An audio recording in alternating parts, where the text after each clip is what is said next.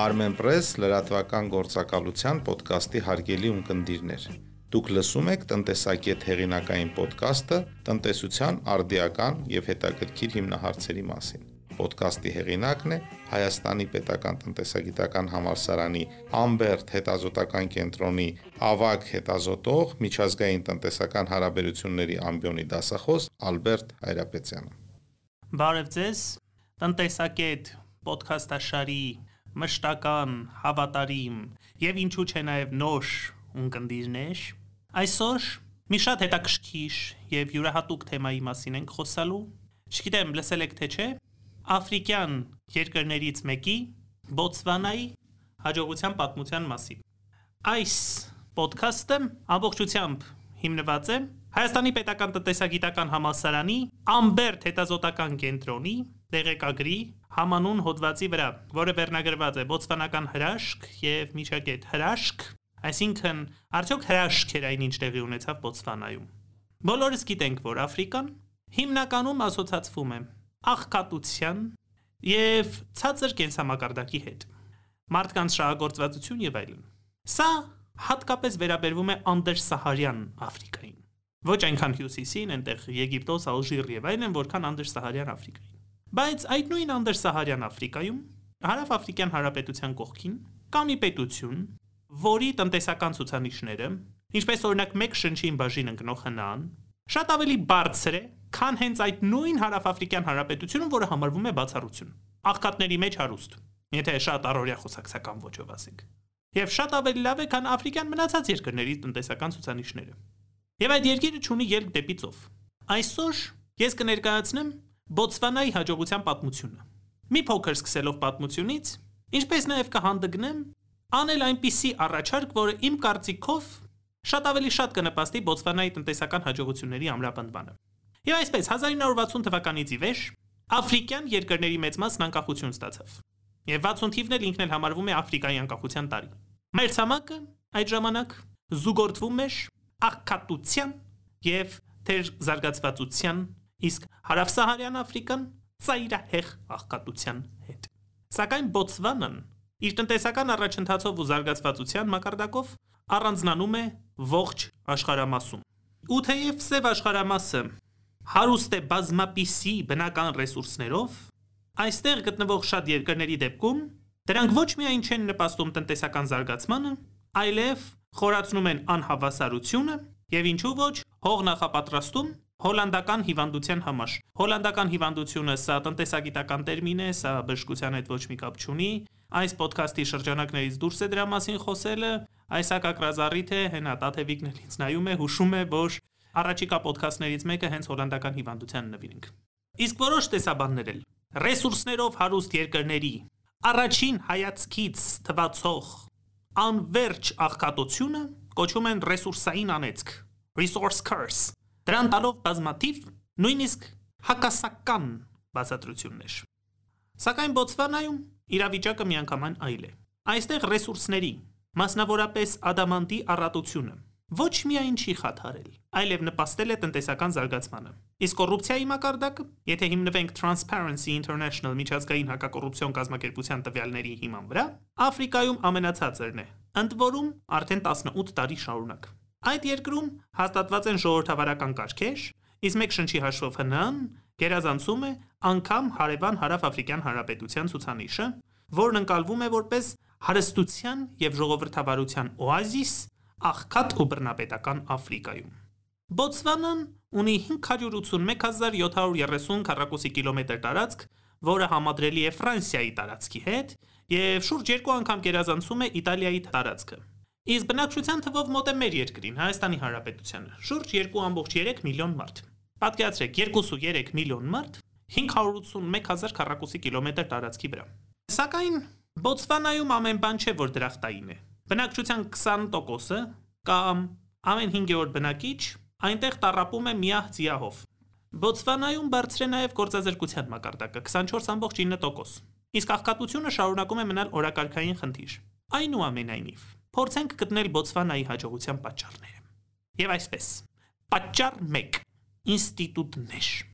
Բոտսվանայի փորձն ամենայն մանրամասնությամբ վերլուծել է մեր հայրենակից Դարոն Աճեմօղլուն իր հայտնի Ինչպես են ազգերը ձախողվում աշխատությունում։ Լինելով ինստիտուցիոնալիստ, Աճեմօղլուն Բոտսվանայի զարգացումն ու տնտեսական առաջընթացը կապել է արկա ներառական ինստիտուտների հետ։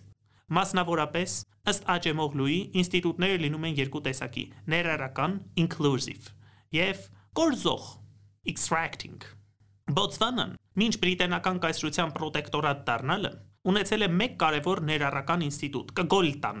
որտեղ հավաքվել են Բոտսվանայի գյուղերի եւ համայնքների ավակները։ Կգոլտան մեծապես հակակշռել է տոհմապետերի իշխանությանը, քանի որ այնտեղ են ընդունվել հիմնական կարևոր որոշումները։ Բոտսվանայում բնակչության մեծ մասը ցվանա ազգության ներկայացուցիչներ են, բաղկացած 8 հիմնական տոհմերից՝ Բանգավատո, Բատավանա, Բանգվակացե, Բակվենա, Բալետե, Բակագալտա, Բարոլոնգ եւ Բատլոկվա։ Բոտսվանայի տակավի մինչ գյուղական ժամանակաշրջանի ինստիտուտները կարող էին վերանալ կամ վերափոխվել բրիտանական կայսրության տակ։ Սակայն բրիտանացիներն առանձնապես հետաքրքրված չէին այդ տարածքներով, որտեղ բնակչության մեծ մասը դեռևս անասնապահությամբ էր զբաղվում։ Դեռևս չէին հայտնաբերվել ադամանդի հսկայական պաշարները։ Իսկ փոքրականակ բնակչության շուտ 80%-ն ապրում էր երկրի արևելքում, Հարավաֆրիկյան Հանրապետությունը Զիմբաբվեին միացնող երկաթուղու մոտակայքում, որը կառուցել էր բրիտանական Rhodes ընկերակցության կողմից։ Ոստի կարելի է ենթադրել, որ երկրի մնացած մասում բնակվելու համար դեռևս չկային գրավիչ ու նպաստավոր պայմաններ։ 1885 թվականին Մեծ Բրիտանիան հայտարարեց բրիտանական Bechuanaland պրոտեկտորատի ստեղծման մասին։ Այն ժամանակ Բոտսվանան Bechuanaland էր կոչվում ինչը պայմանավորված էր սոսկ երկրի ռազմավարական աշխարհագրական դիրքով, քանի որ մի կողմից գերմանացիների տիրապետության տակ գտնվող հարավարևմտյան Աֆրիկան էր, մերօրյա Նամիբիան, իսկ մյուս կողմից բուրերի պետությունը, մերօրյա հարավաֆրիկյան հանրապետությունը։ Հատկանշական է, որ Բեչուանալենդի առաջնորդներն իրենք էին խնդրել Մեծ Բրիտանիային ապահովել երկրի արտաքին անվտանգությունը, զգուշանալով առավել հզոր հարևան երկրների հնարավոր հարձակումներից, որոնց հետևանքով երկիրը կարող էր գրավվել։ Ավելի կոնկրետ, 1895 թվականին Ցվանա ազգության 3 տոհմապետեր Բանգվատո տոհմի առաջնորդ Խամա III, որը Բոտսվանայի լեգենդար առաջին նախագահ Սր Սերեցե Խամայի պապն էր, Բանկաբեցե տոհմի առաջնորդ Բաթեոնը եւ Բակվենա տոհմի առաջնորդ Սեպելեն հանդիպելով Վիկտորիա Թագուհուն խնդրել էին նրանից, որ պրոտեկտորատը ղեկավարվի անմիջապես Լոնդոնից, այլ ոչ թե Հարավաֆրիկյան Հանրապետությունից։ Եթե Թագուհին մերժեր վերջիններից խնդրանքը, Բոտսվանան հավանաբար ներկայումս կլիներ ոչ թե անկախ պետություն, այլ Հարավաֆրիկյան Հանրապետության կազմում։ Այս ամենն ապահովել էր պրոտեկտորատի հարաբերական անկախությունը եւ ավանդույթների, սովորույթների եւ մշակութային ինքնավարության պահպանումը։ Հետագայում անկախությունից հետո իշխանությունն ուներ որոշակի ժողովրդավարական լեգիտիմություն, ինչն էլ չեզոքացնում էր աֆրիկյան այլ երկրներին բնորոշ բռնի պայքարը եւ դրանից բխող անկայունությունն ու հետընթացը։ Ավելին, ցվանա ժողովրդի բարքերում արմատացած ժողովրդավարության սաղմնային տարրերը պարունակում էին նաև զսպման եւ հակակշռման որոշակի բաղադրիչներ, որոնք ունակ էին իշխանության գործողությունները դարձնել massամբ կանխատեսելի եւ նվազ սանձարցակ, ինչի արդյունքում պայքարը հանուն իշխանության կենաց մահու մրցավեճի չէր վերածվում։ Հավելենք նաև, որ անկախությունից ի վեր միակ իշխող ուժը Սր Սերեցե Խամայի հիմնադրած Բոտսվանայի ժողովրդավարական կուսակցությունը երկու ազդեցիկ ուժերի՝ անասնապահությամբ զբաղվողների ու ցեղապետերի մի յուրօրինակ միավորում էր։ Ոստի հետագայում, երբ ադամանդներից ստացված եկամտի շնորհիվ բազմապատկվեց կապիտալի ներհոսքը, բազմապատկվեցին նաև հիմնական շահառուների եկամուտները, եւ խաղասեղանին այնքան շատ բան էր դրված,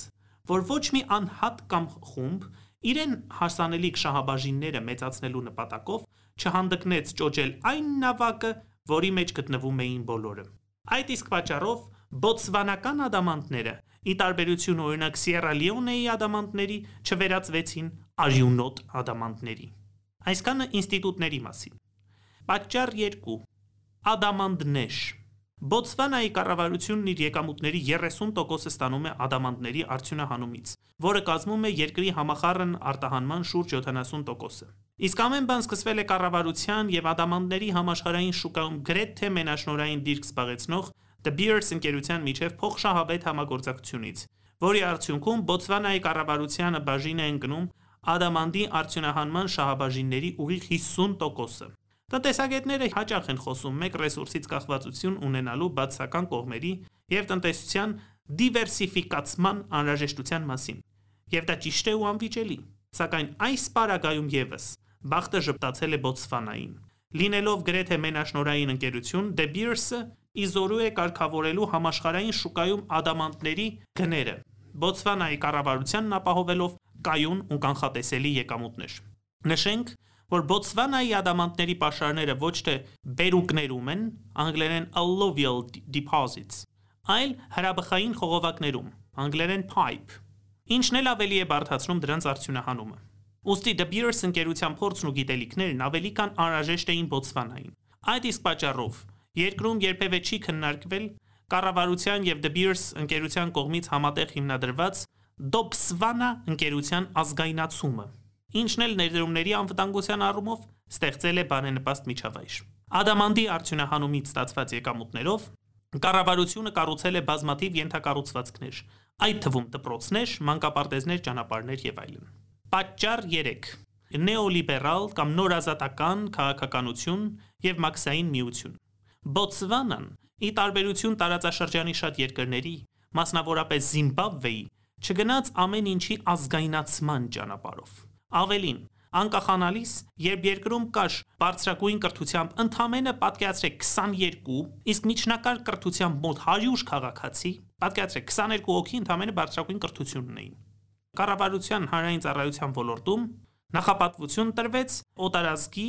սակայն ուսյալ աշխատակիցներին։ Միաժամանակ, ի տարբերություն հետգաղութային Աֆրիկայի այլ առաջնորդների, մասնավորապես փղոսկրի ափի հանրահայտ նախագահ Թոմաս Սանկարայի ու Գանայի հիմնադիր առաջնորդ Կվամե Նկրումայի, Բոցվանայի հիմնադիր նախագահ Սեր Սերեցե Խաման ընտրեց ոչ թե այսպես կոչված աֆրիկյան սոցիալիզմը, այլ նեոլիբերալիզմը, ապահովելով երբեմնի մետրոպոլիա Միացյալ Թագավորության աջակցությունը նորանկախ Բոցվանայի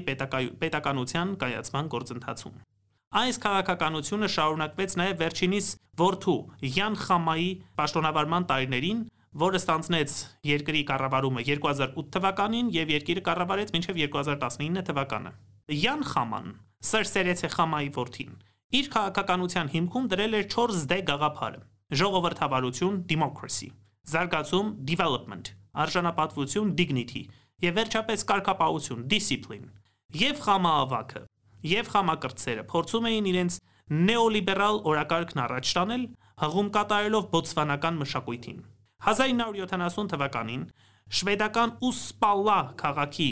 Աֆրիկյան ուսումնասիրությունների սկանդինավյան ինստիտուտում Խամա ավակը հայտարարեց, որ սոցիալիզմը, նույնիսկ եթե դրա կողքին ավելացվում է աֆրիկյան բառը, կապ չունի իր ժողովրդի մեծամասնության հետ։ Իր ժողովրդավարություն ու զարգացում բառերն արմատացած են ցվանա լեզվում։ Նույն կերպ Խամակրտսերը գովերքում էր նեոլիբերալ մոդելը ոչ թե բացահայտորեն, այլ հղում կատարելով ցվանա ժողովրդի այն բարքերին ու ավանդույթներին, որոնք այդ պահին իրեն հարմար էին իր օրակարգի առաջմղման համար։ Ինչպես գիտենք, լիբերալիզմը նախ եւ առաջ ենթադրում է ժողովրդավարություն եւ ազատ առևտուր։ Անկախությունից ի վեր Բոցվանայում միայն մեկ ուժ է իշխե՝ Բոցվանայի ժողովրդավարական կուսակցությունը։ Այնուամենայնիվ, Բոցվանան ժողովրդավարական պետություն է, որտեղ ընտրական գործընթացն արտահայտել է ընտրողների կամքը, իսկ հեղաշրջումներ ու հեղափոխություններ երբեք չեն եղել։ Այստեղ կարելի է միջակետ դնել եւ կանգ առնել։ Հեղաշրջումներ եւ հեղափոխություններ երբեք չեն եղել։ 1994 թվականի ընտրությունների ժամանակ Հավաքելով հարաբերականորեն քիչ ձայն, իշխող կուսակցությունը գնացել է ոչ թե բռնությունների, այլ իր սխալների վերլուծության ու շտկման ճանապարհով, եւ ընտրական գործընթացը դարձրել է առավել ներառական, ընտրելու իրավունք ունեցողների տարիքային շեմը 21-ից իջեցնելով 18-ի, ինչպես նաև հնարավորություն տալով երկրից դուրս բնակվող քաղաքացիներին մասնակցել ընտրական գործընթացներին։ Բոցվանայում յուրաքանչյուր տոհմ ունի իր առաջնորդը՝ Կգոսին։ Կգոսի նշանակում է թակավոր կամ առաջնորդ, որի խնդիրն է տոհմի առաջնորդումն ու տոհմային կգոլտաների կազմակերպումը։ Կգոլտան արդեն ասացինք ինչ է։ Կամ մի հատ համապետական, մի հատ էլ առանձին տոհմերի կտրվածքով։ Կգոլտաներ։ Եվ խորհրդարանին կից նաև գործում է այսպես կոչված Նիլտոյա Դիկգոսին, թարգմանաբար առաջնորդների պալատ։ կոչվող այդ խորհրդակցական մարմինը, որը բաղկացած է 35 անդամից, որից 8-ը նշյալ 8 հիմնական տոհմերի առաջնորդներն են, 8 տոհմերը մենք արդեն թվարկեցինք, 5-ը նշանակվում են նախագահի կողմից, իսկ 22-ը ընտրվում են տարբեր շրջաններից, պաշտոնավարելով 5 տարի ժամկետով։ Ինչ վերաբերում է առևտրին, ապա Բոտսվանան որդեգրել է բավականաչափ ազատական, ներդրումային ու առևտրային քաղաքականություն, ինչպես նաև ընդգրկվել հարավաֆրիկյան մաքսային միության մեջ, որին անդամակցում են նաև հարավաֆրիկյան այնպիսի երկրներ, ինչպիսիք են հարավաֆրիկյան հանրապետությունը, Էսվացինին, Լեսոտոն եւ Նամիբիան։ Ներկայումս Բոտսվանայի կառավարությունն իր եկամուտների զգալի մասը ձեռք է բերում երկու աղբյուրներից՝ արդյունահանող ընկերությունների ռոյալթիներից եւ հարավաֆրիկյան մաքսային միությունից ստացված եկամուտների բաշխումից։ Պատճառ 4. Sir Seretse Khama Ազգերի բարգավաճումը բացատրող շատ տեսություններ կան, որոնցից կարելի է առանձնացնել հետևյալ 4-ը աշխարհագրական, մշակութային, ինստիտուցիոնալ եւ առաջնորդի անձնային կամային առանձնահատկություններ։ Օրինակ հաճախ ենք լսել, որ Սինգապուրի տնտեսական վերելքը կապում են նրա առաջնորդ Լիկ Վան Յուի վարած հմուտ քաղաքականության հետ։ Մինչդեռ բազմաթիվ այլ բռնապետեր առավել հայտնի են իրենց ոչրագործություններով եւ պետություններին ու ժողովուրդներին հասցրած անդառնալի վնասով։ Առաջնորդի դերը հատկապես կարևոր է աֆրիկյան երկրներում, որտեղ հիմնականում չկան ուժեղ ինստիտուտներ ու ժողովրդավարական ավանդույթներ։ Բոցվանայի քաղաքական ու տնտեսական հաջողություններում անգնահատելի է Սր Սերեցե Խամայի դերը։ Խաման Բանգավատո տոհմի գահաժառանգ առաջնորդն էր, որ ստանալով լավ կրթություն Անգլիայում պատրաստվում էր կառավարել երկիրը։ Սակայն Խամայի ճանապարհը հեշտ չէր, քանի որ նա ամուսնացել էր անգլիացի Ռութ Վիլյամսի հետ։ Իսկ այդ ժամանակ, հատկապես հարևան Հարավ-Աֆրիկյան Հանրապետությունում տեղի ունեցող ապարտեիդի կամ ռասայական խտրականության խորապատկերում, այդ ամուսնությունը չողջունվեց ոչ Մեծ Բրիտանիայի, ոչ էլ իր ընտանիքի կողմից։ Սակայն լինելով առանձնաշնորհյալ անznավորություն, Խաման կարողացավ համոզել Կգոլտային ընդունելու իր ու սպիտակամորտ կնոջ միությունը։ Կգոլտայի մեծ մասը բացականչեց Պուլա, որը ցվանա լեզվից թարգմանաբար նշանակում է անձրև, ինչպես նաև օգտագործվում է միմյանց ողջունելիս։ Պուլան նաև Բոտսվանայի ազգային արժույթն է։ Սակայն բրիտանացիներն այդպես էլ չընդունեցին Խամայի ամուսնությունը բրիտանահապատակ սպիտակամորտ կնոջ հետ, եւ Խաման արտաքսվեց։ Հետագայում վերադառնալով Բոտսվանան, Խաման հրաժարվում է գահից եւ մասնակցեց երկրի պատմության մեջ առաջին ժողովրդավարական ընտրություններին, որի նախաձեռնողը հենց ինքն էր. Ապագա գահակալ առաջնորդը, դառնալով Բոտսվանայի առաջին նախագահը։ Խամայի կյանքն ու գործունեությունը լավագույնս ներկայացված է 2016 թվականին թողարկված A United Kingdom ֆիլմում։ Սերեցե Խաման կառավարեց մինչև 1980 թվականը, իսկ վերջինիս հիմնադրած Բոտսվանայի ժողովրդավարական կուսակցությունը մինչ օրս երկրի իշխող կուսակցությունն է։ Խաման ժողովրդավարության ջատակով ու գիտակ էր, հակառասիստական պայքարի առաջամարտիկ, որ կանգնած էր նաև երկրի տնտեսական բարեփոխումների ակունքներում։ Վերջինիս կառավարման տարիներին Երկրում մի քանի 100 անգամ աճեց համախառն ներքին արդյունքը։ Մեծացան կրթություն ստացած անձանց թիվը։ Ավտոճանապարհների քանակը եւ կենսական անհրաժեշտություն ունեցող բազմաթիվ այլ ենթակառուցվածքների, ինչպես նաեւ տնտեսական ցուցանիշների թվերը։ Օրինակ Զամբիայում, որը Բոտսվանայի անկախության պահին ուներ 10 անգամ ավելի շատ դպրոցներ, իսկ Ուգանդայում, որտեղ կային 70 անգամ ավելի շատ դպրոցներ։ Մինչ օրս համարվում են Զամբիան եւ Ուգանդան աղքատ եւ հետամնաց երկրներ։ Խամայի կարևոր հաջողություններից մեկը Բոտսվանան ժամանակակից ժողովրդավարական պետության վերածումն էր։ Այդ թվում կգոսիների կամ տոհմական առաջնորդների իշխանության խիստ սահմանափակումը եւ վերջիններիս զրկումը արտադրության եւ հողերի բաշխման իրավունքի իրականացումից։ Հարկ ենք համարում ընդգծել, որ լինելով բրիտանական կառավարության կողմից հալածված եւ հետապնդված, Խաման ոչ միայն չլծվեց մշակութային ապակաղութացման նախկին գաղութատեր երկրի դեմ պայքարի գործին, ինչպես դա տեղի ունեցավ աֆրիկյան այլ երկրներում, այլև բարեկամական հարաբերություններ հաստատեց Մեծ Բրիտանիայի հետ, որից շահած դուրս եկավ հենց իր ժողովուրդը։ Եվ վերջում կցանկանայի մի բան նշել։ Հարավային Աֆրիկայում Բոտսվանայից հարավ-արևելք կա մի թակավորություն, որը նախկինում հայտնի էր որպես Սվազիլենդ։ Իսկ 2018 թվականին շատերի համար անակնկալ կերպով փոխելով իր անունը դարձավ Էսվատինի։ Թակավոր Մսվացի երրորդը, որ փոփոխության նախաձեռնողն էր, նշեց, որ մարդիկ արտասահմանում հաճախ են իրենց երկիրը շփոթում Շվեյցարիայի հետ։ Հետևաբար որոշել են փոխել դրա անվանումը։ Սակայն ակադեմիական գրականության մեջ ոչ թե աղքատ Էսվատինին, այլ հաճախ Բոտսվանան է մատնանշվում որպես Աֆրիկյան Շվեյցարիա։ Իսկ ո՞րն է պատճառը։ Արդյոք կարելի է Բոտսվանայի, Գերմանիայի, Հարավային Կորեայի, Իսրայելի ու նմանատիպ այլ երկրների տնտեսական հաջողությունները անվանել տնտեսական հրաշք։ Ես ունեմ այն համոզմունքը, որ չկա Բոտսվանական, ինչպես նաև չկա իսրայելական, չինական, ճապոնական, ֆիննական կամ կորեական հրաշքներ։ Ըստ բառարանային բացատրություններից մեկի, հրաշքը սնոտիապաշտական եւ կրոնական պատկերացումներով իրերի բնականon ընթացքից չբխող բնության օրենքների վրա չհիմնված, այլ ģերբնական զորությամբ առաջացած երևույթ է։ Յուրաքանչյուր երկրի տնտեսական զարգացում ունի իր հստակ բացատրությունն ու պատճառները։ Բոտսվանայի պարագայում, իթիվս այլ պատճառների, կարող ենք նշել պետականության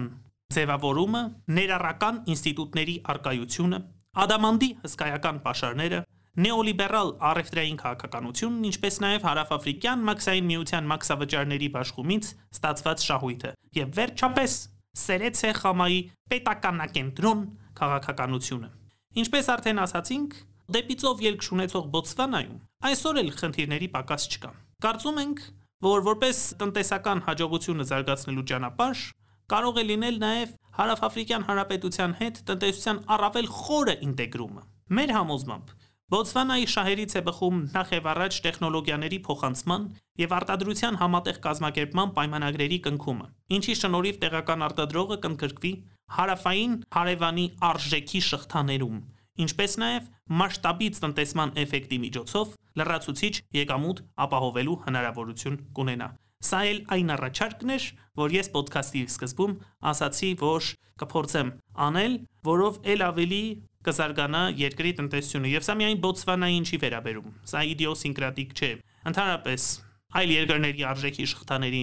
մեջ մտնելը եւ նրանց հետ ինտեգրվելը դիվերսիֆիկացնում է տնտեսությունը, մասշտաբի էֆեկտից նոր եկամուտներ է բերում, ինչպես նաեւ տնտեսությունը ուղղում է դեպի նոր, առավել արդյունքաստեղծ ոլորտներ։ Կարծում եմ հետաքրքրեց մանավանդ որ հայերեն այս թեմայի վերաբերյալ գրականություն չկա։ Կան ինձ չի հանդիպել չգիտեմ։ Շնորհակալություն